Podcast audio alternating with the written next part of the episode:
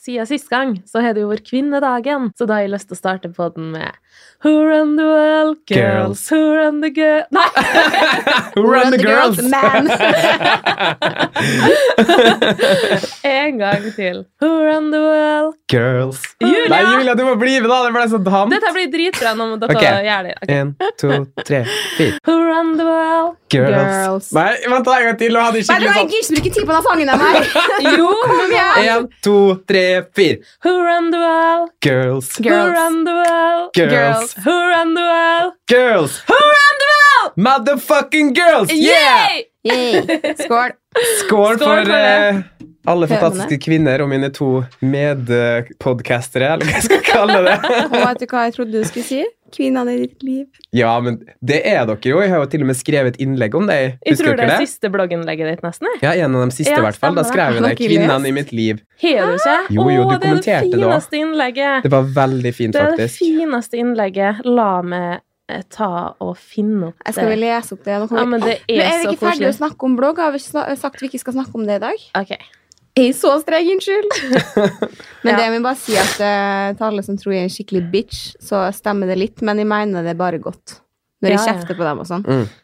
For det kan høres høres litt ikke- fole ut, da. Men du er du kjenner meg jo så godt, men Ja. hører på jeg bare nei, nei, nei, nei, Vil ikke synge mer, vil ikke gjøre det, ble, ble, dritsur på dere hele tida.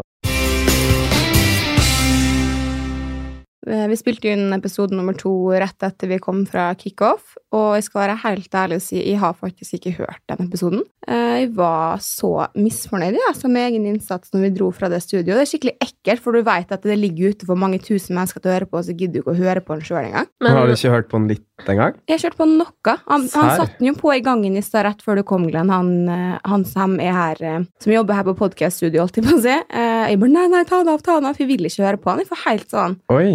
Dårlig prestasjon-feeling, og det er utrolig ubehagelig. Ja.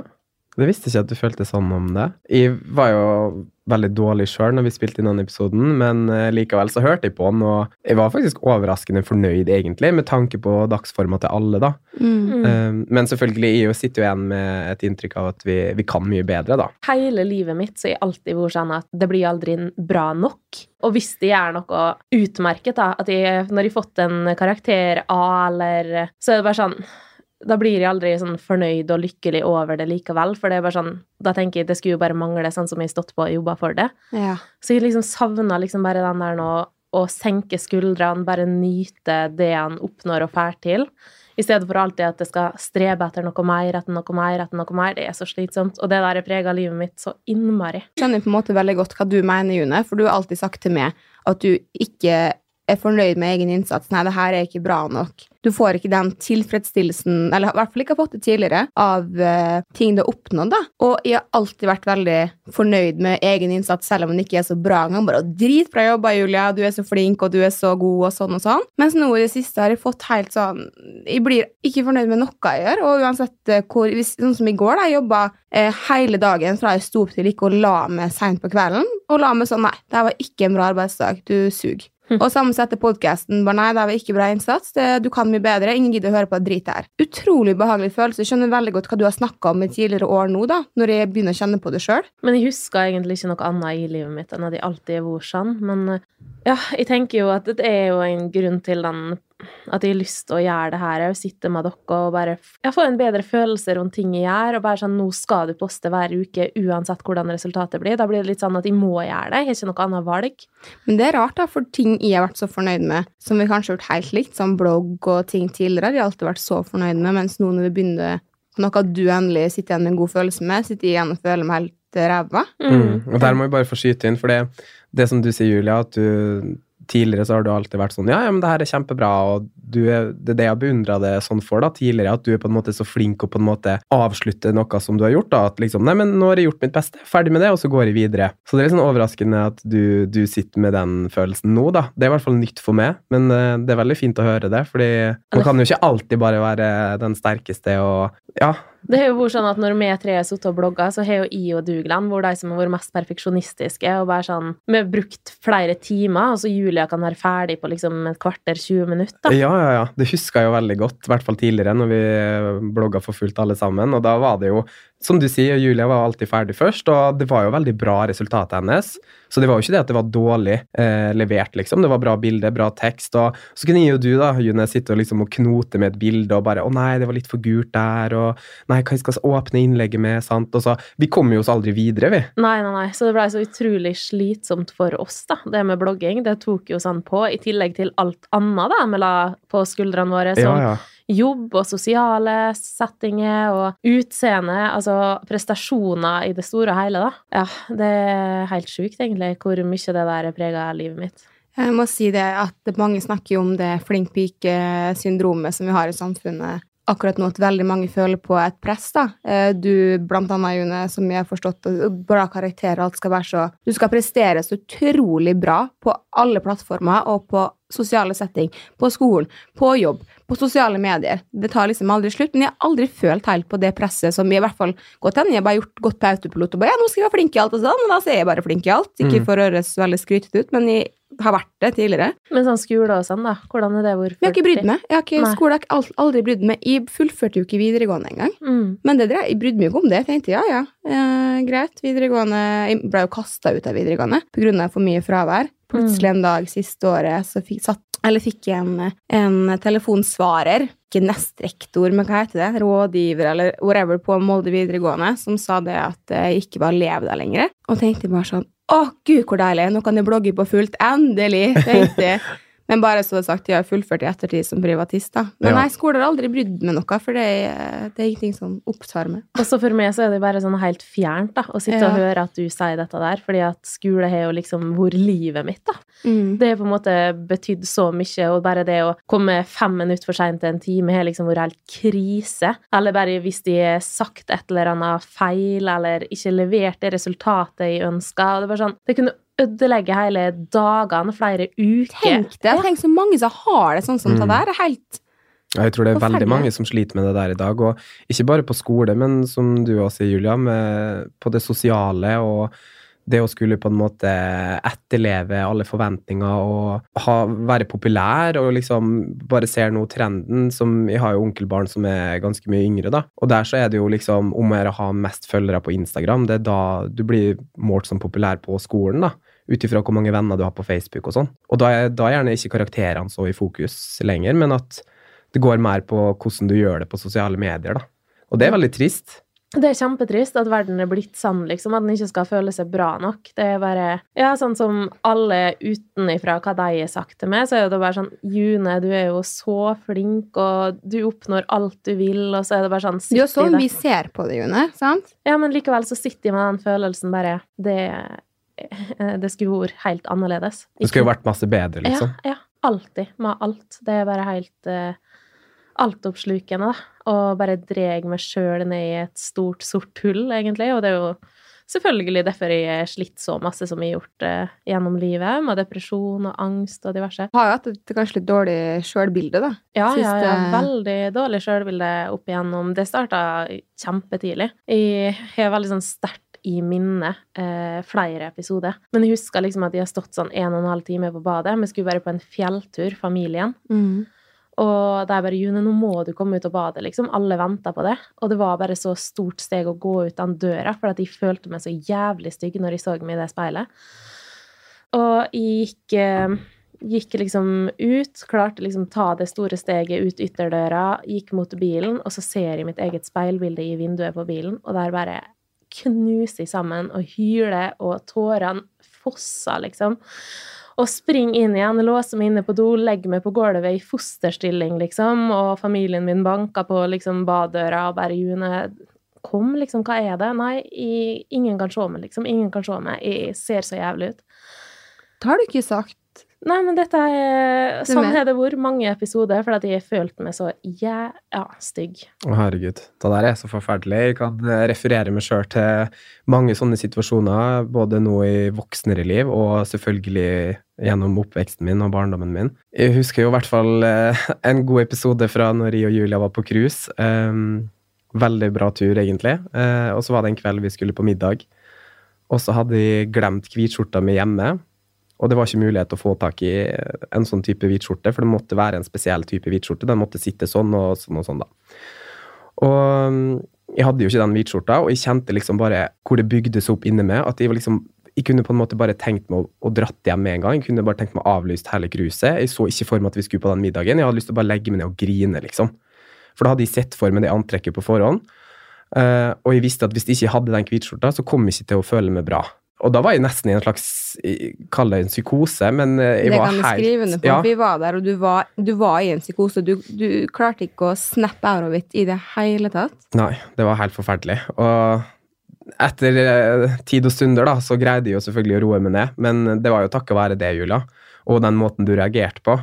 Eh, normalt sett så er du en person som bare sånn Nei, nei, men hallo, Glenn, drit i det nå. Bare ta på deg noe annet. Men du håndterte det jo helt riktig den gangen, fordi du på en måte, i stedet for å nesten kjefte på meg eller bare si at de skulle ta på meg noe annet, så skjønte du jo at det her var et issue for meg, og så fikk du meg litt som til å forstå da, at det er ikke hvitskjorta som skal avgjøre om vi skal ha en bra kveld i kveld. Eh, du er jo fin uansett hva du har på deg, liksom, og det ville jo ikke jeg høre på med det samme, men du greide jo da, Julia, å få meg til å forstå at liksom, vi skal kose oss i kveld, og det går bra likevel. Men det viser jo bare hvor sjukt det kan bli, da, at eh, ei skjorte skal ødelegge kvelden, liksom. Det samme var jo Glenn når jeg var i London. Herlighet. Jeg husker det veldig godt. Jeg kommer aldri til å glemme det, egentlig. Det sjølbildet ditt, da. Det holdt på å ødelegge hele turen, fordi du blei aldri fornøyd. Eh, så du hadde jo pakka og gjort alt klart eh, dagen i forveien. Men når jeg våkna og er ferdig, så er jo ikke du fornøyd med hva du ser i speilet. Så du kasta det inn i dusjen igjen, eh, skifta antrekk for 15. gang, og jeg sier, veit du hva, vi må rekke den eh, trikken som går nå. Hvis det ikke så er det ingen sjanse til å komme på det flyet her. Jeg tar med mitt eh, pickback, eh, håper på at Glenn kommer etter, men helt ærlig så trodde jeg at du aldri kom til å gjøre det. Jeg mm, reiser inn til Gardermoen og står der og venter i over en time på det.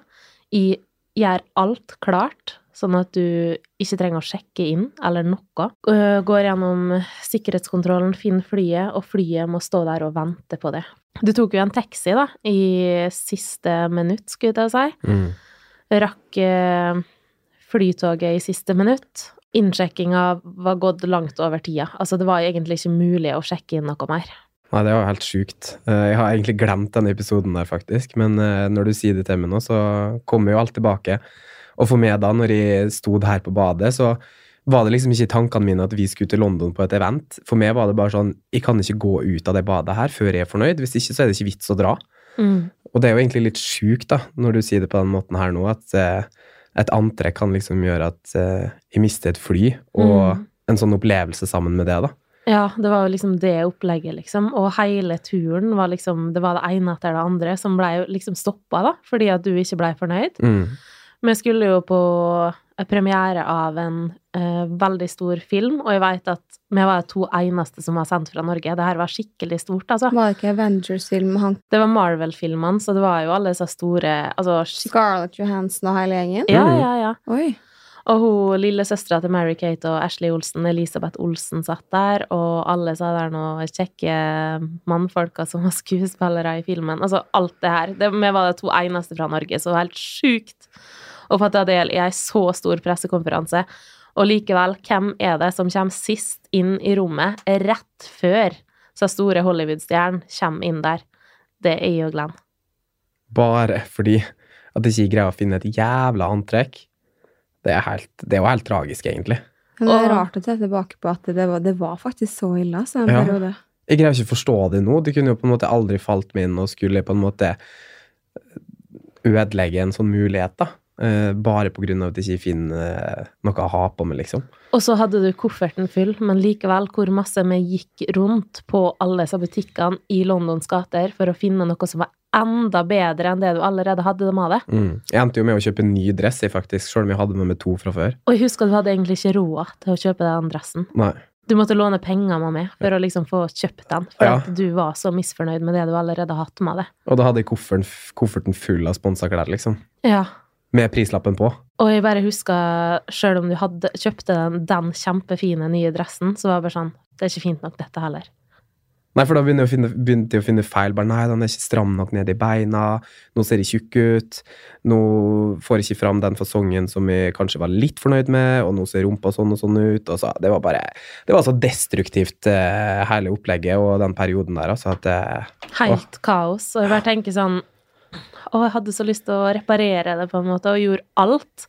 Så jeg merka liksom sånn Kunne ha gjort alt, alt for dere, selvfølgelig, men merka jo at det går jo utover han sjøl òg som person, fordi at han strekker seg så langt Men for å liksom spesielt du da, June, for du er en person som skal hjelpe andre. Du ser jo bare det med stiftelsen din og sånn, at du er veldig Du tar det veldig til deg når andre har vondt. Mm. Det blir på en måte til kontrast med, for hvis du hadde vært sånn mot Megeland, så hadde jeg ikke følt på det. Jeg hadde tenkt sånn Ok, jeg må være rasjonell og Mm. tenke sånn. Jeg hadde ikke følt på det et sekund engang, og Glenn har det vondt. Noe som er Det er jo ikke en bra egenskap for meg å ikke ha den empatien til det, da.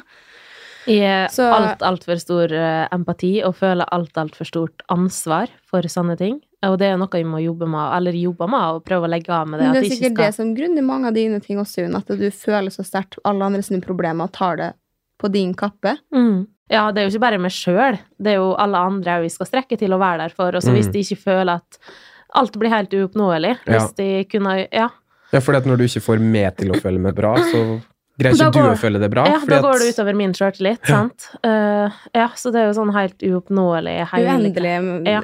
u- Forferdelig sirkel, eh, akkurat det der. Ja. Mm. ja, det er en ond sirkel. Men jeg husker jo altså, veldig godt den eh, perioden der, hvor mange sånne episoder det var. Det med London og det med cruiset, det er jo bare eh, to av ufattelig mange scenarioer, da. Ja. Nei, men det er jo veldig fint, da, fordi både du, Julia, og June på en måte utfyller med veldig godt. Mm. Så liksom det er jo det som gjør at vi blir det radarparet vi, vi er òg. Mm. Fordi at June har liksom sine egenskaper, og du har dine, Julia. Og det er på en måte like avhengig av begge to, da. Mm. Eh, Mona sier jo, Julia, at du er nå veldig sånn Sjøl om du sier at du ikke er dårlig sjølbilde, så er du jo veldig ofte sånn at du rakker ned på deg sjøl. På hvordan måte? At du skal påpeke sånn 'Å, herregud, nå ser jeg feit ut', eller 'Å, herregud, ser ut som en flodhest', eller sånn, sånn Ja, men morsomme min side så kommentarer. er det, det Jeg skjønner at folk ofte dekker usikkerhet i humor, men for min side er det virkelig tull. Ja, det er ok, det er bare tull. Det ja, hvis du jeg står her mener. med flesk i magen min, selvfølgelig. Man legger jo på i, sånn som kan legge med fem kilo på uke og slanke med fem neste uke. Og så er magen min nå, ha-ha. Det er ikke fordi jeg bare tenker 'Å, nei, gud, så feit jeg er'. Virkelig, virkelig ikke. Og med meg så er det vel heller at jeg ikke lar det komme til syne masende kommentarer. Jeg vil Mm. ikke si hvordan jeg egentlig føler det. Skal ikke sitte her og påstå at min hverdag er bra hver dag. Det er jo ikke det. Man er opp- og nedturer som alle andre. Men for meg er det ofte veldig viktig å adressere det med en gang, for jeg liker ikke å ha det dårlig. Mm. Det er ikke en følelse jeg er vant med. Jeg er ikke vokst opp med å føle det dårlig. Jeg er vokst opp med å ha det eh, bra hver eneste dag. Og når jeg først føler på den følelsen, så kan jeg ringe deg, June. Er flere Mm. ganger. June, jeg har negative tanker. Jeg er negativ. Få det til å snu. Og så er jeg superflink og kommer med råd til andre, men så må jeg jobbe enda hardere for å gi deg råd til meg sjøl, da. Mm. Vanskelig å leve opp til deg. Mm. Altså, eh, jeg føler at jeg er en mester i til å liksom oppmuntre andre og sånn når det trengs, eller i hvert fall gir mitt aller meste for å få det til å skje, da, at jeg skal føle seg bedre. Men Du kan ikke gi råd til andre du ikke har lyst til å gi til deg sjøl. jeg snakker jo til meg sjøl når andre spør meg om ting. Det er bare at eh, det er de samme tinga jeg ville ha sagt til meg sjøl. Det føles godt å gi det til andre, men så ligger det kanskje eh, som et sånn Det er enda vanskeligere å ta det til meg sjøl. Mm, på en eller annen måte. Da, vi har jo hatt mange, mange runder, jeg og du, spesielt jeg og du da, Glenn. Men det føler jeg at jeg er blitt mobba, for vi har bodd sammen, Glenn. Så jeg har jo Mm. sett det her virkelig på nært hold, og hvor mange ganger har jeg ikke prøvd å virkelig overtale deg? Glenn, du ser så utrolig bra ut. Jeg vet ikke om en gutt som ser så bra ut som du, og likevel så står du der med tårer i øynene og prøver å fikse på håret og pudre ansiktet, liksom, og så er du så ufattelig fin fra før, da. Mm. Jeg føler jo måten vi I hvert fall den sommeren da vi bodde på Ringnes Park, eh, alle tre. Da var det jo nærmest hver eneste dag om vi skulle på trening, om vi skulle på et event, om vi skulle på fest, om vi skulle på matbutikken. Altså det var antrekk, antrekk, antrekk, antrekk. Han hjalp med det. Prøvde 100 klær. Vi hadde mange, mange runder. Men til slutt så det hjelper jo ikke å si til en person som ikke føler seg vel, har jeg lært, da. For jeg, jeg kan ikke relatere meg til det, for jeg har alltid hatt så godt selvbilde under hele oppveksten min. Aldri følt på kanskje det dere har følt på. Men sånn så spesielt med deg, Glenn, så var det mer det at man kan ikke si til deg 'Å, du er så fin, du er så fin', for du bare nei, det er det nesten det verste man kan si. For du Ja. bare nei, jeg tror ikke på det, hold kjeft, eh, du hjelper meg, du hjelper meg ingenting. Mm. Så var det mer ok, greit, men ta, prøv det her, prøv det her isteden. Og så Jeg la jo ikke akkurat så mye hjerte i det antrekket jeg prøvde å finne fram, det så bra, bra ut, men det, tror du at du følte det at ja, ok, men da var noen andre som valgte det, det var bra, ok, greit. Ja. Da gikk det liksom greit, da. Ja, men det er jo det med at jeg har slitt med dårlig sjølbilde som er greia, da. At en ting er at de kan ha en grei sjøltillit sånn i sosiale sammenhenger og i forhold til prestasjoner og sånne ting, men når det kommer til sjølbildet og hva jeg føler rundt meg sjøl, Det har jo tatt knekken på meg veldig mange ganger. Um, og det er utrolig ubehagelig å være i en sånn situasjon der på en måte ingenting er bra nok, da. Og jeg kunne liksom ende med å dusje håret fem ganger, liksom, Mm, for at ja. hårstrået lå ikke riktig. Mm. Og hvem er det som ser det annet enn meg sjøl, da? Ja, men jeg veit så sjukt godt hva det er du snakker om. Det, med meg så er det Jeg har klart å skjule det veldig godt, og det har gått liksom bedre sånn de siste åra og sånn, men dette her var jo sånn Ja, det, det går utover hele hverdagen. Hele hverdagen din handler om hvordan sjølbildet er, hvordan sjøltilliten er. Eh, Jeg husker når jeg var 16 år, når jeg ble innlagt, så sa de liksom at Innlagt for hva? jeg var innlagt for spiseforstyrrelser. Ja. Og det gikk jo liksom på grunn av sjølbildet, sjøltillit, og, og da jeg sa at du har anorektiske tanker om alt, liksom. Det er liksom alt i livet ditt, så er det liksom eh, samme tankegangen da, som man kanskje kan ha over for mat. Det får jeg om alt med meg sjøl. Jeg veit ikke Men Det er jo et kontrollbehov det det bunner i Mm. veldig ofte, tror jeg i hvert fall. da. For meg som har stått eller Jeg har selvfølgelig vært med dere på den eh, reisa i alle år, men å stå på utsida og aldri helt forstått hva dere mener Hva du snakker om feil hår, hva du snakker om eh, du er for sjuk, hva du snakker om, du er ikke fin nok. Jeg, jeg har ikke forstått hva er det dere tenker på, hva er det dere går og føler på. Nå i eldre, eldre alder av 26 så har jeg jo kanskje skjønt meg at det er faktisk veldig, veldig psykisk. Du går ikke an å bare si ja, du er fin, og det er en god nok kommentar for at du skal skjønne at du er fin. Mm. Men hva hvordan for, eh, for min del så virker det jo som at begge to har kommet veldig ut av den eh, Hva jeg skal si Den verste perioden, Den verste perioden av den eh, destruktive tankegangen, da. Mm. Og spesielt sånn som med deg, Glenn, på Vestlia nå, merka så stor forskjell. For Ja. vi sto jo på det hotellrommet der, og jeg og Glenn skulle ned på spa da, og ta sånn green peel. Og han roper 'Julia, Julia, skal jeg ha på meg grønn skjorte, hvit skjorte, grønn eh, bukse, hvit skjorte Altså, alle antrekkene han hadde, da skulle hun ramse opp gjerne før jeg skulle bestemme oss hva han skal ha på seg. Og jeg i normalt eh, i normal oppførsel roper 'ta på den grønne skjorta, ingen bryr seg på spa uansett'. og vet du hva du sa? Ja, ok. Ja. Tok på grønn skjorte, og vi gikk. Det var ingen mer kamp enn det. Ja, det, det hadde jo ikke skjedd for et par år siden. Da, Nei, å si det sånn. Det hadde ikke skjedd da for et par år siden. Da kunne vi faktisk komme for seint til den spatimen vi, på grunn av meg, Mm. som sto der og krangla med meg sjøl i speilet, liksom. Det var en periode den sommeren på Ringnes Park at jeg løy jo til dere hele tida. Ja. Jeg løy om tidspunkt på alt vi skulle. Jeg husker jo vi hadde bord på eh, Sydøst, eh, en veldig veldig bra restaurant i Oslo. Og sa vi hadde bord eh, klokka åtte, men vi hadde ikke bord før klokka ni. Fordi vi visste det her blir runde på runde på runde på runde før vi kommer oss ut døra. Og det verste var at vi kom jo ikke til restauranten før kvart over ni.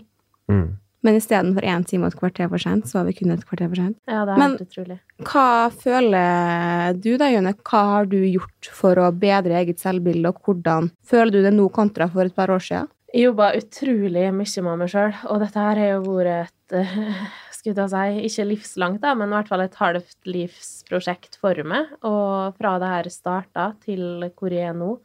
Det er jo på en måte en kontinuerlig prosess. Det er jo ikke noe vi må bare ta i skippertak her og der. Det er noe vi må Hva du gjør? Altså, du jobber med det sjøl, men hva gjør du? Tankegangen. Lest veldig mye bøker. Eh, filmer som omhandler det. Hvordan snu tankemønsteret ditt. Og Til noe positivt? Mm. Ja. Og så har jeg jo gått veldig mye til behandling, psykolog. Eh, og ja, så jeg, tror jeg jo det at eh, alderen òg har hjulpet meg litt, da. Men det er jo fortsatt sånn her nå Når blir jeg helt fornøyd? Går det an i det hele tatt? Kan jeg ikke bare Åh, jeg bare Du blir liksom ikke helt kvitt det, men du har jo kommet mye bedre ut av det. Ja, ja, ja, herlighet. Og det Eh, føler jeg det gjelder begge oss, da. At Ja. vi har kommet på et mye bedre sted nå, i hvert fall. Men hva du har gjort da, Glenn? For det er jo veldig stor forskjell, nesten Jeg ser i hvert fall med det blå øyet at det er større forskjell på det, kanskje, med det første øyekastet enn Ja, det endte jo med at vi måtte flytte hjem eh, Ja. til Molde. mm. mm. Og det tror jeg var det beste grepet jeg noen gang har gjort. Men hva gjorde at du ville flytte? Hva du så for å bli annerledes i Molde da, kontra Oslo, som du flytta fra? Eh, Jeg tenkte at hvis jeg flytter hjem nå, så får jeg alt på avstand, og da spesielt med sosiale medier og det jaget som jeg på en måte levde oppi, da. Mm. At det gjorde godt for meg å flytte hjem og komme hjem til familien min og, og der jeg vokste opp, og få alt det overfladiske på avstand, og så heller på en måte gå ut døra bare med en joggebukse, fordi der er det ikke noe sånn press om klær eller utseende, eller det er liksom ikke fokus der i det hele tatt. Men det trenger ikke være det her heller, men du følte vel sikkert mye mer på det i byen, da? Mm, når det var mye absolutt. mer folk og Ja, ja, ja. Det er jo Dyrke- helt klart annerledes. Og det miljøet som jeg vanka i her i Oslo, det er jo ikke et vanlig miljø. Det var jo mye fester og kjendisfester, og man blir jo invitert til veldig mye når man eh, driver på sånn som vi gjør, og da det var på en måte det som kjente tok litt sånn kvelertak på meg. da, At eh, nei, nå må jeg bare bort fra det her. Komme hjem til kjente og kjære omgivelser. Og så bare få puste ut og komme i kontakt med mine, mine verdier, og hvem er det egentlig jeg er. Uten alle disse her eh, fine festene og klærne og blogg og Instagram. Og hvem er det Glenn egentlig er, og hva er det han vil? Eh, så det har jeg jobba med eh, veldig sånn bevisst da, når jeg var hjemme nå. Um, og det hjalp meg utrolig mye. Og så når jeg da flytta tilbake igjen til Oslo, så, så fikk jeg jo meg kjæreste. Og det har jo utvilsomt hjulpet meg veldig masse òg. Um, En fått bedre å bekreftelse får man jo ikke enn det at noen elsker det så Ja, mye som han Det er gjør. akkurat det. Og han er der for meg uansett hva, og elsker meg både med og uten voks i håret, eller med og uten hvit skjorte, liksom. Mm, Åh. Og det er liksom det som er så fint, da. Og om jeg ikke har sixpack, eller om jeg har sixpack, han, han er, elsker meg like mye. Og det er på en måte det er det viktigste, at man liksom har sånne mm, verdier, eller at man har folk rundt seg, da. Mm. Som støtter det og gir det den eh, tryggheten som man trenger når man er i en sånn sårbar situasjon. Det er veldig viktig. Men du må i hvert fall vite at vi har prøvd å gjøre alt for å støtte det og gi det trygghet og være Ja, de beste vennene for det. Ja, det vet ja, jeg. det vet, det vet Ja, du ja. også Ja. vet, men jeg tror det når du står oppi det sjøl, så er det veldig vanskelig å se menneskene rundt en måte hva deres intensjoner er. At ja, vi var jo en del av det der nå fjasetilværelsen med fancy klær, party, eh, se og bli sett-miljøet. Selvfølgelig da, skjønner du trenger en avstand fra Mm, alt det der. Og Ja. du ser oss for dem vi er. uansett, ja. Ja, ja. ikke sant? Og det visste jo hele veien at de hadde jo både det Julia og June som støtta med 100 um, Og det er jo derfor jeg òg kunne ta steget med å flytte tilbake.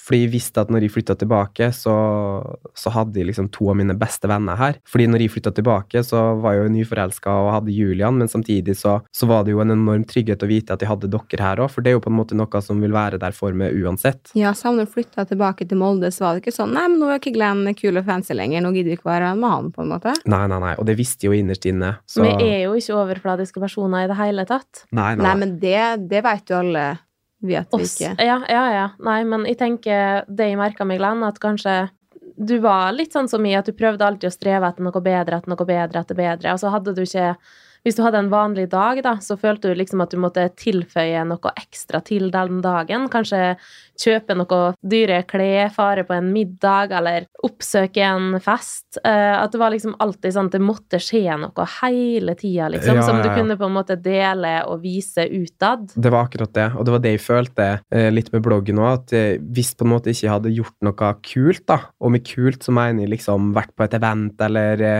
eh, gjort et sånt kult samarbeid eller fått skikkelig bra antrekksbilde, så følte jeg at det har ikke vært noe dag. Altså, Mm. det her var en bortkasta dag. Um, og det ble veldig tungt, at de måtte liksom hele tida passe på at de hadde nok i kalenderen, da, så at det ble kult utad, og at jeg fikk en sånn god følelse inne med at yes, Glenn, nå har du fått det til, nå er du på rett plass. Du må liksom holde standarden, da. Mm. Og det merka jeg veldig med meg sjøl òg, at en har så lyst til å bare oppnå sånne store ting som man bare jager etter og jager etter og jager etter. Og så glemmer man liksom de små tinga i dagen som kan være veldig fine. Bare det å våkne opp, ta seg en kopp kaffe. Eh, ikke at jeg drikker kaffe, men dere skjønner Ta poenget. seg en energidrikk. Ja, Ja. altså bare sånn å legge seg om kvelden og bare smile for seg sjøl. Altså de små tinga der, da. Det er sånne ting som man kanskje glemmer av, men er så viktig å tenke over. Og jeg er så flink til de små tingene. Jeg koser meg sikkert 15 ganger hver eneste dag. Bare med på morgenen, da. At ingen har stått opp ennå. Helt mitt eget selskap. Sett meg med, jobb, med bloggen, da. Jobben høres fancy. Eh, det er bare så deilig følelse. Jeg, alltid, jeg vet ikke. Jeg tror det er Jeg lurer på hva som gjør det, for vi har jo kjent hverandre så mange år, og hvorfor har dere hatt dem ikke enn dere hatt? Og så sitter de der og koser meg i hjel dagen lang døgnet rundt, bortsett Mm. fra når vi begynte å podde, da. Men, eh, eller ikke, jeg elsker å podde, men i ettertid være så misfornøyd. Så jeg bare lurer på hva som Hva er forskjellen på oss, egentlig? Ja. Ja, det starta i hvert fall lenge før sosiale medier, så det er ikke det som på en måte har skapt det her for meg. Det er Ja. helt andre ting, og jeg føler heller at sosiale medier har vært positivt. Jeg snakker ikke nødvendigvis om sosiale medier. Jeg bare lurer på, når vi tre er så tett som vi er, hvorfor har, har dere at de ikke sånn, og dårlig selvbilde, og ikke hatt det? Hva er det som øh, Utenforstående ting, eller hva er det som gjør det? Er det genetikk, eller er det Hvorfor Nei, altså- biter noen på, og noen ikke? Det jeg tenker da, det er jo som June sier fordi at nå hørtes det kanskje ut fra mitt perspektiv at det var bare sosiale medier som fikk meg til å føle sånn, og det er jo feil. Fordi at jeg har jo slitt gjennom barneskolen og ungdomsskolen med Mm. mobbing, Mm. eh, og det har jo gjort meg veldig usikker. Um, så selvfølgelig, det starta jo mye lenger tilbake. Mm. Um, I min klasse gjennom barne- og ungdomsskolen så hadde jeg en fantastisk klasse som støtta meg og var der for meg hele tida, men så var det gjerne folk over da, i klassen over som mobba og, og var ufin med meg, og så har på en måte alt det her skapt en veldig sånn usikkerhet. Og så begynte jeg på videregående, og da merka jeg en helt annen trend. De ble veldig populær og ble veldig godt likt. Og det var jo veldig vanskelig å skulle fordøye all den oppmerksomheten her, og det var jo til og med før jeg begynte å blogge. Jeg husker jo første gang jeg så det, og bare herlig så kjekk du er, og sånn. Ja, Og du jo så jo på meg med det største forundrende blikket du har sett her. Se hva faen er det du Ja, snakker Ja, jeg skjønte jo ingenting, og sånn var det jo mange i klassen min på idrettsfag òg. Bare sånn 'Å, du er så fin, Glenn, og du er så god', og, jeg fikk helt hakeslepp, for jeg var ikke, ikke vært vant til å høre det gjennom barne- og ungdomsskolen. Jeg har ikke vært vant med at liksom dem jeg var om, omgitt med, da, ga meg kompliment, liksom. Jeg var ikke vant til å få skryt på den måten, da, og i hvert fall ikke om utseendet mitt, så jeg ble liksom sånn 'hæ, det her må jo være tull'. Fordi nå har jeg liksom i ti år hørt at de ikke er fine, og at de er homo, og at de er stygge. Og, altså, så for meg så ble det bare sånn Hæ, det her kan jo ikke stemme.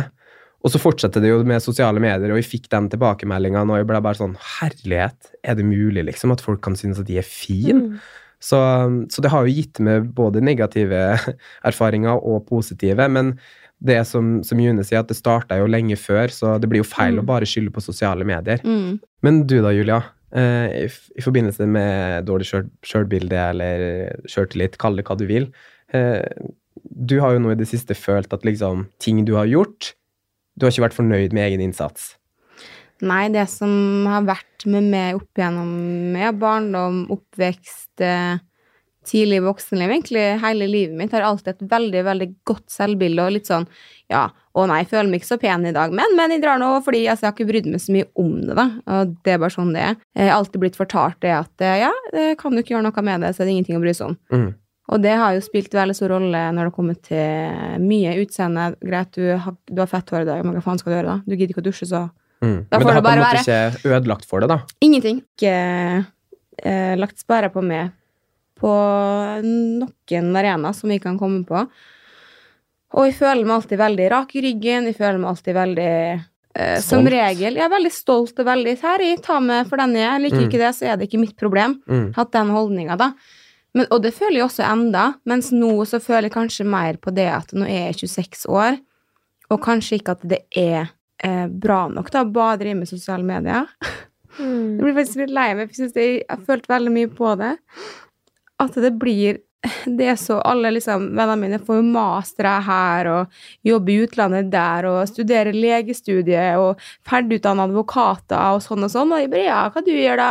Kommer hjem til jul og skal snakke om Ja, nei, jeg holder på med den bloggen ennå, da. Å ja. eh, Lever du av den enda, liksom? På år nummer 100? Men det er jo kjempeimponerende. Herregud, hvorfor Ja. skal du i det hele tatt sammenligne med deg? Nå er det her Nei, veldig lett for meg å sammenligner si, ikke med, men med dem, men poenget er bare det at de har ikke gjort noe nytt. I stå med samme bloggen og ditt og datt. Ja, greit, vi har nå åpna to butikker, men det er jo ikke min fortjeneste hovedsakelig det. Jeg har jo hatt så mange flinke rundt meg Mm. som har dratt det det lasset langt mer enn de kan skryte på med nok en gang. Og så blir jeg litt sånn stressa, da. Sånn, ja, hva skal man eh, Hva skal jeg gjøre videre? Jeg vil ikke gå på skole. Jeg, jeg vil ikke ha en eh, åtte til fire-jobb. Det er så mye ting jeg ikke vil. Alt jeg vil, er å ha det sånn som jeg har det nå. Men jeg skjønner jo på en måte at man ikke kan leve av å dele antrekksbilder og Instagram og bla, bla, bla, bla, bla til man er, blir pensjonist. Selvfølgelig kan du det, men du må bare kanskje ha en annen vri på det. Ja. Så det kan du absolutt. Jeg tenker at det blir for dumt hvis det her skal stoppe det nå når du fortsatt er så godt i det. Du trenger ikke å tenke Du tenker ikke sorga på forskudd, tenker jeg da. Nei, nei, det er jo ikke det. Altså Kanskje jeg snakker litt feil. Poenget er jo ikke at jeg ikke kan blogge resten av livet. Det er mer det at de trenger kanskje en forandring snart, men de vet ikke helt hva det skulle vært, eventuelt. Mm. At du vil ha noe nytt, noe på en måte å jobbe mot utover det som du har gjort nå i så Ja, mange år? år. da. trenger et mål, da. Jeg trenger noe å strekke mot, for nå strekker jeg strekker mot da, neste lønning. Mm, Jeg strekker meg ikke mot noe større enn det på karrierefronten. mm. Og ja, jeg har kjempelyst til å begynne å jobbe med eiendomsinvestering. Å ja, trenger bare to millioner på bok da du kan investere. Lykke til med den. Jeg sparer jo kanskje ei krone i måneden om jeg er heldig, så det blir jo ikke med det første. Så nei, det er kanskje det jeg har gått og følt på det siste, at det er derfor ikke ting blir bra nok. At de gjerne skulle ønske at Hva jeg skal si, trenger ikke å erobre verden i morgen, men de trenger eller annet som Håndfast, liksom. Nei, ikke håndfast. Jeg trenger noe som jeg kan strekke meg mot. Noe jeg føler ok, det her er en prosess, da. Ja, Mm. Å som du jobbe som blogger mot. er ikke en Ja. prosess. Jeg har gjort det, gjort det siden jeg var 16, nei, 14 år. Jeg har levd av det stor, nesten hele mitt voksne liv. Det er det som har betalt husleie, men det som har fått mat på bordet. Mm. Jeg ser den, at du liksom trenger kanskje noen nye utfordringer og noe nytt å jobbe imot. Men da, det som jeg tenker da, Julia, at du skal være utrolig stolt at du har greid å ha det her som en fulltidsjobb i så mange år. Og det husker jeg på den første episoden da, at du sa sånn her at ja, men jeg har bare blogga, jeg, liksom. Og da kjente jeg at jeg ble liksom litt sånn lei meg på dine vegne, fordi er det noen jeg faktisk beundrer og er skikkelig stolt av, så er det du, Julia. For du har, har så bein i nesa, og du jobber på. Og selv om du sjøl føler at liksom Nei, men jeg vet ikke helt hva jeg jobber mot, og, så gjør du det uten at du egentlig tenker over det, fordi at du har Mm. gjort det her i så mange år. Og det krever sin kvinne å skal liksom stå i all slags vær, da, Mm. som det faktisk fører med seg, På dårlige dager, med det her. gode dager. Ja. Du står i det Og du står tiden. i det, og du er så optimistisk, og du er så business-minded, da. Mm. Så jeg er helt sikker på at hvis du bare fortsetter nå, kanskje enda et gir opp, så vil det komme muligheter. Kanskje Mm. bloggen kan gi deg andre muligheter fordi at du blir oppdaga gjennom den. Absolutt. Ja. ja, men det er det det alltid har gjort. Da, Samme med butikkene. Jeg har fått så mange muligheter hit og dit, og jeg har ikke åpna butikkene hadde vært for bloggen. Mens nå så Ja, hva er neste, da? Faen, det har ikke skjedd noe nytt på lenge. Kan noen bare bli med og det er leiligheter, eller? Vi laga pod her, da! Ja, men det er sikkert derfor jeg føler sånn på den poden òg, at det, det her virkelig skulle bli det neste springbrettet. Mm. Og da, da blir det som jeg føler ikke første episoden veldig fornøyd. Den vi spilte inn forrige uke, jeg kom hjem med den klumpen i magen der er ikke bra nok. Jeg har sagt, Det er stygt å si det, men jeg har sagt til alle nei, det er ikke, det er ikke vits å høre på, den var så dårlig. Ja, Men du har jo ikke hørt den sjøl engang, så det veit du jo ikke. Jeg har bare Nei. fått positive tilbakemeldinger på den. Legg det ned og hør på den, og så Nei, jeg vil ikke. Jo, skjerp deg, Julia. Nå blir jeg sånn oppgitt. ja. Du må altså, Og så tenker jeg i forhold til det med sosiale medier, da. Jeg søkte på en fulltidsjobb når jeg var ferdig på um, Westerdals. Og den, det var sånn nesten 300 søkere, og den fikk jeg av sosiale medier. Det samme gjelder deg, Glenn. Mm. Du utmerka det. Du har ikke samme arbeidserfaring som de søkerne eh, som sto ved siden av det. Og ikke utdanning. Nei, ikke det heller, men du, av dine sosiale medier, så fikk du den. Ja. Der ser han hvilke muligheter det kan medføre, altså. Mm. ja, selvfølgelig, men jeg kommer eh, bank i bordet aldri til å ville og ønske å ha en sjef over meg. Samme her. Jeg Ja, må men sant, liksom jeg kan jo ikke til søke på en jobb, da. Jeg vil ikke ha, jeg vil ikke søke på en jobb, jeg vil ikke noen skal si når Nei, jeg men det er ikke det jeg mener. Du, du kan få andre muligheter. Det trenger ikke å bety at du skal ha en sjef over det. Nei, okay. Bare tenk på June, da, som har fått det kule prosjektet nå, som hun skal jobbe med over så lang tid. Og da Mm. er jo June sin egen sjef. Mm, ja, det er noe som eh, Og det er jo sånne muligheter som kan dukke opp, da. Når man er i det miljøet og i den bransjen som vi er i. Ja, det blir spennende å følge med, men herlighet. Eh, millennials, altså. Vi blir aldri helt eh, happy, blir vi det?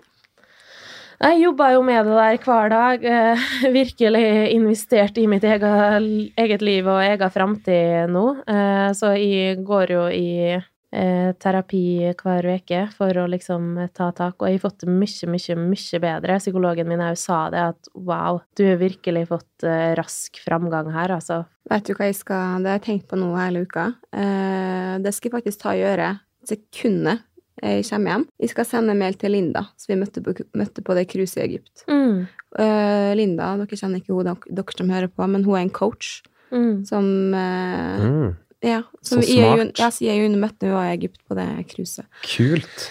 Og jeg tror jeg trenger en coach som kan uh, eh, rydde opp litt i toppen. Ja, men det er jo jo og få meg til kjempelurt. å se ting i litt annet lys. Så jeg skal ta faktisk sende henne en mail nå med en gang og høre om eh, hun kan begynne å coache meg. Ja, Mm. Det kan jo virkelig være utveien på det her, da. Ja, jeg er fornøyd, men det som jeg er veldig fornøyd hvordan jeg har det per dags dato, men for første gang så tenker jeg litt mer hva om fem år, hva om Mm. ti år. Per dags dato vil jeg ikke endre en drit, jeg vil ha det nøyaktig sånn som jeg har det i dag. Mm. Men jeg forstår den tankegangen din der, Julia. fordi jeg har jo begynt å tenke sånn siste åra. Jeg var jo ikke sånn før. Da levde jeg jo egentlig bare for dag til dag. Ja. Mens nå så begynner jeg å tenke opp og fram og har veldig lyst til å liksom kjøpe leilighet sammen med kjæresten min og begynne å tenke sånn Hvor er jeg om fem år? Og ikke minst hvor er jeg når jeg er 30, som da er to år til? Og da har jeg liksom alltid hatt som mål at de skal eie en leilighet innen jeg er 30. Og det begynner jo å nærme seg noe med stormskritt. Så Men bare tenk hva press han legger på seg sjøl når han sier i akkurat samme 'Jeg skal kjøpe meg leilighet i løpet av året her'.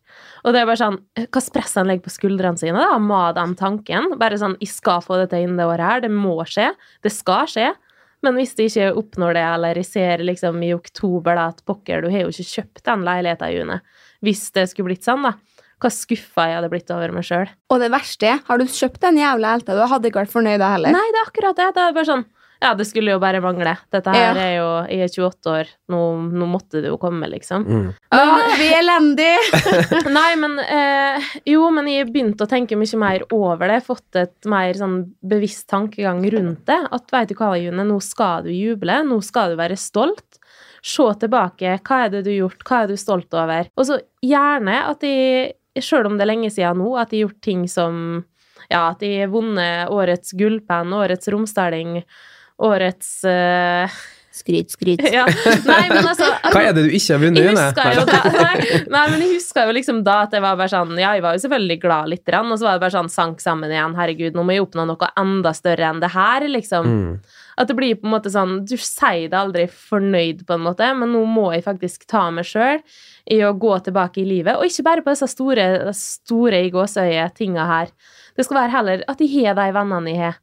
At de har mm, fått til det her gjennom år. At de bare tok det steget og sa opp jobben min, reiste jorda rundt og bare satsa på meg sjøl, da. Skal gi dere et godt tips. Eh, nå etter eh, kickoffet eh, så kom vi jo hjem veldig redusert her lenge, som vi allerede har snakka om.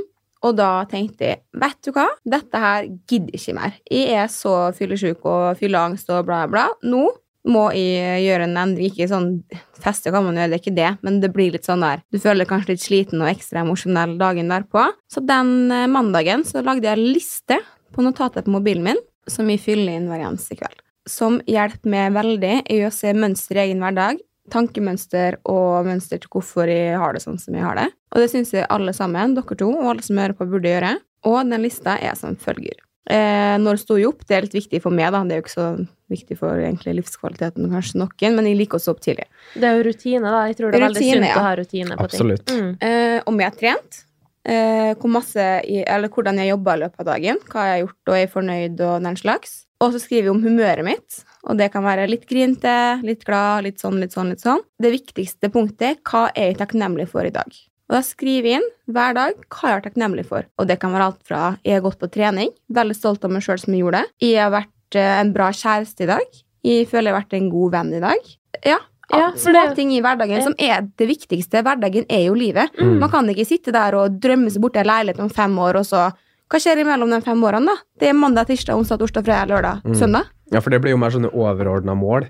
Men så er det jo liksom veien dit, da. Hvordan skal du være, hvordan person skal du være? Og det er jo noe med at man skal alltid være en bedre versjon av seg sjøl enn en var i går. Mm. Og vi har jo alle forbedring både i vennskapssammenheng og kjærestesammenheng og jobbsammenheng.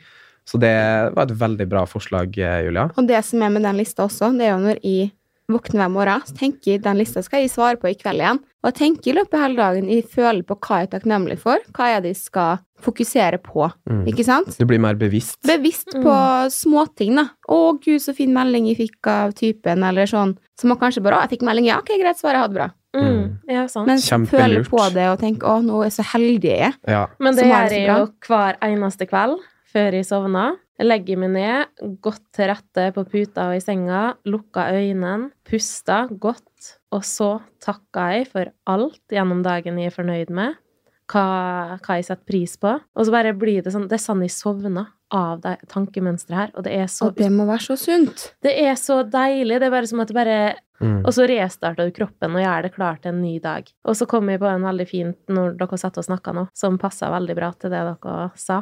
Alle disse dagene som kom og gikk, ikke visste jeg at de var selve livet.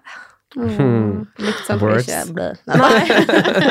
Nei, men Litt er klisjé, så men veldig fin. sant. Den er så fin. Den er bare sånn god å tenke på. Det er bare sånn Dagene går så sjukt fort. Oss da har ganske travle liv alle sammen, og så stopper vi så sjeldent opp og reflekterer, trekker pusten godt. Hvordan kjennes kroppen egentlig nå? Hvordan har jeg det? Ja, lytt til det sjøl. Bare er det sånn at jeg trenger å slappe av i kveld, eller er det sånn at jeg skal kjøre på videre helt til jeg er helt skutt når jeg legger meg? Mm. Ja. Det er noe med å sette grenser for seg sjøl og faktisk stoppe opp og lytte til kroppen, og ikke minst til følelsene sine. da. Jeg merka jo nå etter at jeg lå sjuk nå med omgangssjuke i to dager Det første som jeg kjente på når jeg våkna i dag, det var en enorm takknemlighet og en glede over at jeg er frisk. Og det var bare sånn det er så rart å si det, men mange på jobb i dag spurte liksom sånn 'Å, er det deilig å være frisk igjen?' Og jeg bare ja, det var en åpenbaring, liksom, å bli frisk igjen. For en fantastisk egenskap at kroppen kan heale seg sjøl og bli frisk igjen. Og hvor heldige jeg er som er frisk permanent. De er ikke plaga med en kronisk sykdom. Tenk alle som er det. Og bare hvis man greier å nyte de øyeblikkene der òg, så blir man mer takknemlig og glad for livet. At man har de forutsetningene man har, da. Han tar det sånn for gitt, på en måte. Ja, akkurat det samme eh, som du eh, hadde der, Glenn. Hadde i, i June var på en luksusyacht, ikke for å skryte, men det var vi. Mm. Og eh, på den siste festen på den yachten, etter vi har vært der ei uke, så var det en sånn restefest. Der alle tok med seg resten av alkoholen, da. Mm. Basically, de hadde på lugaren. Kan jo tenke seg hvor mye drikke det blei. Og poenget I hvert fall, da, jeg seila ned den der nå trappa på båten Ja, stemmer det. Mm. og knuste halebeinet mitt. Å, herregud, jeg turte ikke å se engang. Jeg bare hørte smellet, og bare Au. Der gikk Julia, liksom. Jeg kan ikke, jeg kan ikke se! Jeg kan ikke se! Så du hoppa ikke etter, da? Du Nei, bare Nei, der for hun. Turte ikke. altså, Jeg var jo den aller nærmeste. Du kan jo tenke liksom, Det er jo vondt å se noen du ikke kjenner har det vondt, og at Mm. de oppgår gjennom noe vanskelig, og så Ja. er det liksom de nærmeste ven- venninne, da. Og så veit du jo fader ikke hvordan det fallet her gikk. Det det gikk ikke sånn- så bra. Nei, jeg sendte jo ned sa mannfolka, ta dere av Julia. Jeg måtte bare ikke klamra hodet mitt eh, imellom hendene og i skrittet, skulle jeg si. Ja. Skrittet, ja. Nei, i hvert fall, altså, det var fryktelig, fryktelig, fryktelig vondt. Og når vi skulle fly hjem fra Egypt, det var jo dagen etter det Å, herregud, heldigvis hadde jo noen Paragin forte og sterke smertestillende, men det hjalp ikke. Da var jeg så dopa, og jeg drakk sikkert tre flasker rødvin på turen. For mm. jeg, bare, jeg bryr meg ikke, jeg dør nå av overdose. Det får bare være. Det er bedre enn å sitte her og holde på Åh, så vondt dø å av sitte på smerte. et flysete når Det det var så helt vondt. grusomt. Først eh, fra Egypt til eh, Istanbul, Istanbul, Oslo. Sitte der i verdens minste fly. Og jeg var så rusa på 100 tabletter Paragin forte, masse alkohol, og tenkte jeg bryr meg ikke, bare få den smerten til å gå bort. Men eh, poenget er, da tenkte jeg fy faen, jeg er så heldig som er frisk. Ja. Mm. Tenk folk som sliter med ryggen, med beina, med Hver dag. Det går Hver dag, utover dagshumøret. Det går utover alt, liksom. Livs Livsgleder og i det hele tatt. Sjølbildet, da, ikke minst. Mm -hmm. Ja, nå sporer vi av her, men jeg tenker det Vi har masse å være takknemlig for. Det er det Jeg som finner er bare en sånn fin uh, rund, runde av på det ja, temaet. jeg skulle liksom ønske at vi hadde en sånn klar og tydelig sånn Dere spurte hva er det som har gjort at du og Glenn har hatt så masse du svarte jo bra på det. Ja, si, men jeg, jeg følte ikke at jeg, jeg har ingen konklusjon Eller jeg veit ikke hva er det som har gjort at jeg har slitt så masse i løpet av livet mitt. For at det her har liksom vært et stort problem så lenge jeg kan huske. Men heldigvis så har det blitt mye bedre de siste åra. Vi tror det er viktig det som du sier med tankesettet, at man er takknemlig i hverdagen og prøver å se på det positive. Mm. For det er jo sånn som vi mennesker er. Vi er fra naturens side, instinktene våre side, så er vi negativt bygg i hjernen på mange måter. Det er jo forska på det. Det er som sjølforsvar. Ja, Huleboerne gikk ikke ut av hula si hver morgen, strakk seg godt og så seg Nei, og bare 'Å, for en deilig dag'. De kom ut, klar til kamp. Er det en tiger her? Er det Jeg vet ikke hva som var huleboertida, jeg, altså, men er det noe man skal passe seg for her? Og sånn er jo vi bygd. Det er jo vår eh, grunnleggende genetikk, ikke sant? Mm. Ikke at jeg legger ikke ta med på noe jeg sier feil nå. Men ja, jeg tok konklusjonen i alt her er at det er veldig viktig å være takknemlig og prøve å fokusere på de små tingene eller Mm. de store tingene som Mm. er bra i livet sitt, og være Mm. fornøyd med det. Man kan ikke få til alt i dag, man kan ikke få til alt uh, i morgen. For min del da, så kan jeg i hvert fall være utrolig takknemlig for veien jeg har gått, og at jeg nå klarer å komme meg ut i alle settinger, uansett hva det er, og ikke er sånn at eh, jeg låser meg inne på badet, og ingen skal få lov å se meg fordi jeg føler meg for stygg til å vise meg. Det er jo ikke et problem lenger, sant? selv om jeg selvfølgelig kan være ja, ikke føler meg helt på topp, så er det ingen hindring lenger, da. Nei. Og det er noe med det å begynne å tro på det som folk sier til deg. Én ting er at du får ett kompliment her og et kompliment der, men hvis du begynner å legge sammen alle de komplimentene og de fine tilbakemeldingene du får fra folk du møter, da, så blir det jo en bra sum. Ja, virkelig. Og folk hadde jo ikke sagt det her uten grunn. Så, så det å på en måte prøve å se seg sjøl gjennom andre sine øyne, da. Ja, jeg tenker Det er jo ikke alle som er like heldige som oss som får så mye positivt tilbakemelding. Noen sitter jo der helt alene uten å ha noen som ser dem engang. Mm. Så jeg tror det er viktig bare at man må Du er den egen lykkes med. Det høres sykt teit ut, men det er så sant så du får det. Det er veldig sant. Du kan ikke legge din selvfølelse eller selvbilde eller selvtillit eller noe som helst i hendene på noen andre. Ikke kjæresten din, ikke bestevennene dine, ikke foreldrene dine. Dette må man fikse på egen hånd. Ja, Man må jobbe med det bevisst sjøl. Hver eneste dag. Ja, og som du var inne på her, Julia, med selvrealisering og faktisk bevisstgjøring, det er så viktig. Mm. Fordi skal du bli en bedre versjon enn du var i går, så må du faktisk være obs på hva er det jeg gjorde feil i går, hva er det jeg gjorde bra i går, hva er det jeg skal ta med meg videre i dag, og hva er det jeg på en måte skal bruke da, for det det er verdt. Absolutt. Det var fine ord, Glenn. Vi alle har ligget ja, i hvert fall jeg og du, Glenn. Vi har ligget ganske i gjørma til tider, men fy fader, vi kravla oss opp igjen og kom oss ut av det. Og Mm. det håper jeg kan gi så mye motivasjon til andre som hører på det her. Ja, det Hvis håper jeg virkelig, altså. Ja, hvis dere ligger i gjørma nå, vit det, at dere kommer dere opp igjen. For det er pokker meg og du gjort, Glenn. Ja. Herregud. Jeg opplever litt ting i jo, da. ja, det hørtes ut som ja. Julia bare danser på en seng Danser av blomster. ja, men i forhold til det med sjølbilde og sjøltillit, som på en måte er vår hovedbudskap i podden her Nå har du hatt ei kjip uke. Det er noe annet enn en kjip uke, det forstår en et kjipt liv, da. Nei da. Ja da. Nei, nei, men det har faktisk vært eh, ganske kjipt tider. Men uh, i dag så ser jeg ikke tilbake på livet mitt som kjipt, for jeg tar med meg alle sa vonde erfaringen og tenker at jeg har klart å komme meg ut av absolutt alt. Og ja, jeg kommer til å møte humpa og dumpa fortsatt i veien, vil jeg tro, men det, jeg vet det at jeg klarer å komme gjennom det uansett hva, for nå har jeg vært gjennom så mye tidligere i livet at det Ja, helt sant. Og det vil alltid komme folk som vil prøve å trykke det ned. Um, så det her er på en måte ikke en oppskrift som man løser på en dag, og så er det ferdig. Man må jobbe med seg sjøl bevisst hver dag resten av livet. Og så hvis den er på en bra plass, så tenker jeg at da får ikke folk lov å trykke den ned. Nei. Da klarer det ikke. Nei. Sorry. Welcome to my life. Nei da. Jeg. Nei, men vet du hva? Fra spøk til alvor. Jeg syns det er utrolig deilig å se mine to aller beste venner. At dere er på det stadiet dere er i dag. For det er absolutt uh, ingen selvfølge. Så uh, takk for at alle hørte på. Mm. Ja, tusen, Tusen takk. takk. Og hvis dere har ønsker om tema og sånn, så er det bare å skyte det fram på Gjengen podkast på Instagram, så tar vi med oss alle råd og innspill videre. Ja. Ja. Okay. Ros så vel som ris. Ja. Helst ros. Helt ros. ok, takk for oss. Takk for oss. Ha det bra. Snakkes om ei uke. Ha det! Ha det.